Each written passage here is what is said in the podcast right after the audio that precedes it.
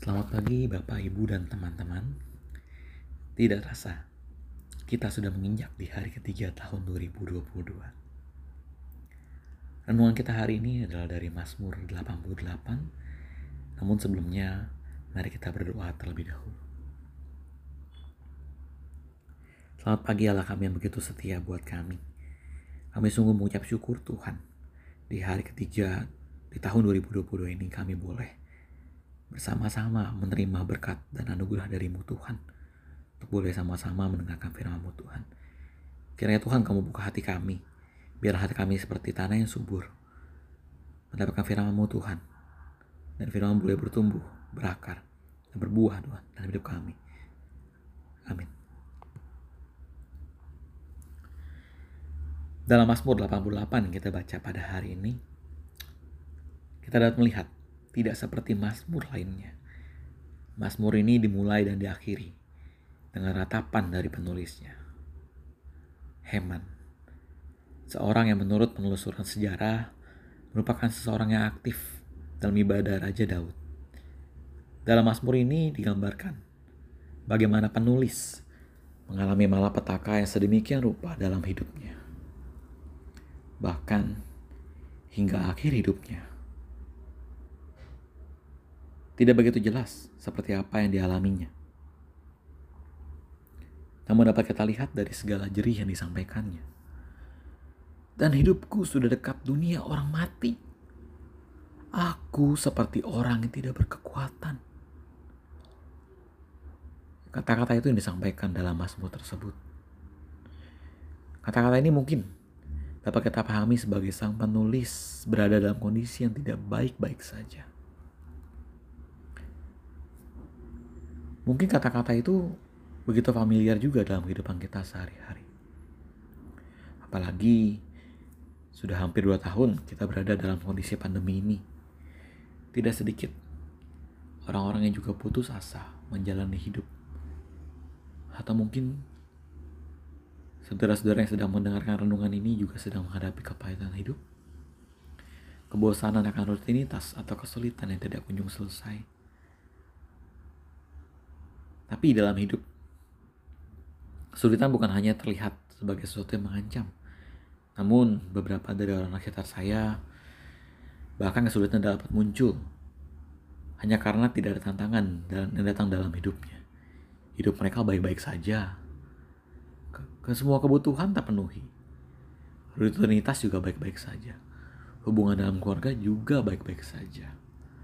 Namun dalam segala yang baik-baik saja tersebut, Justru itulah yang menjadi kesulitan dalam hidupnya.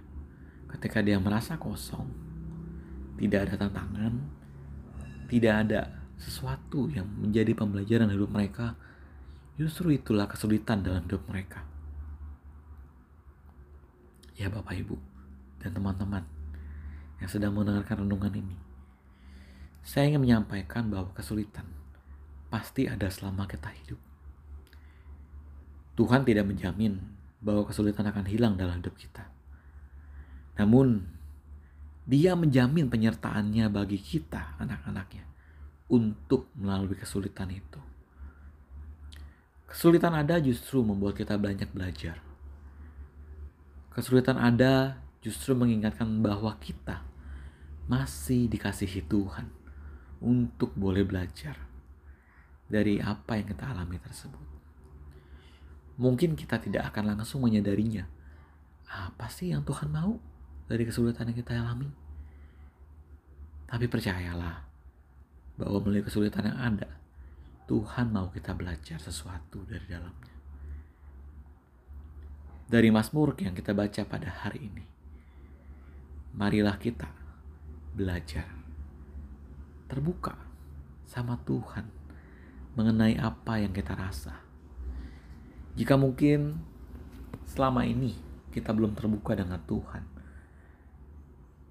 dengan apa yang kita rasakan, mari di tahun yang baru ini kita belajar terbuka. Kita mau mengenali diri kita. Dengan terbuka, kita tahu apa yang kita rasakan.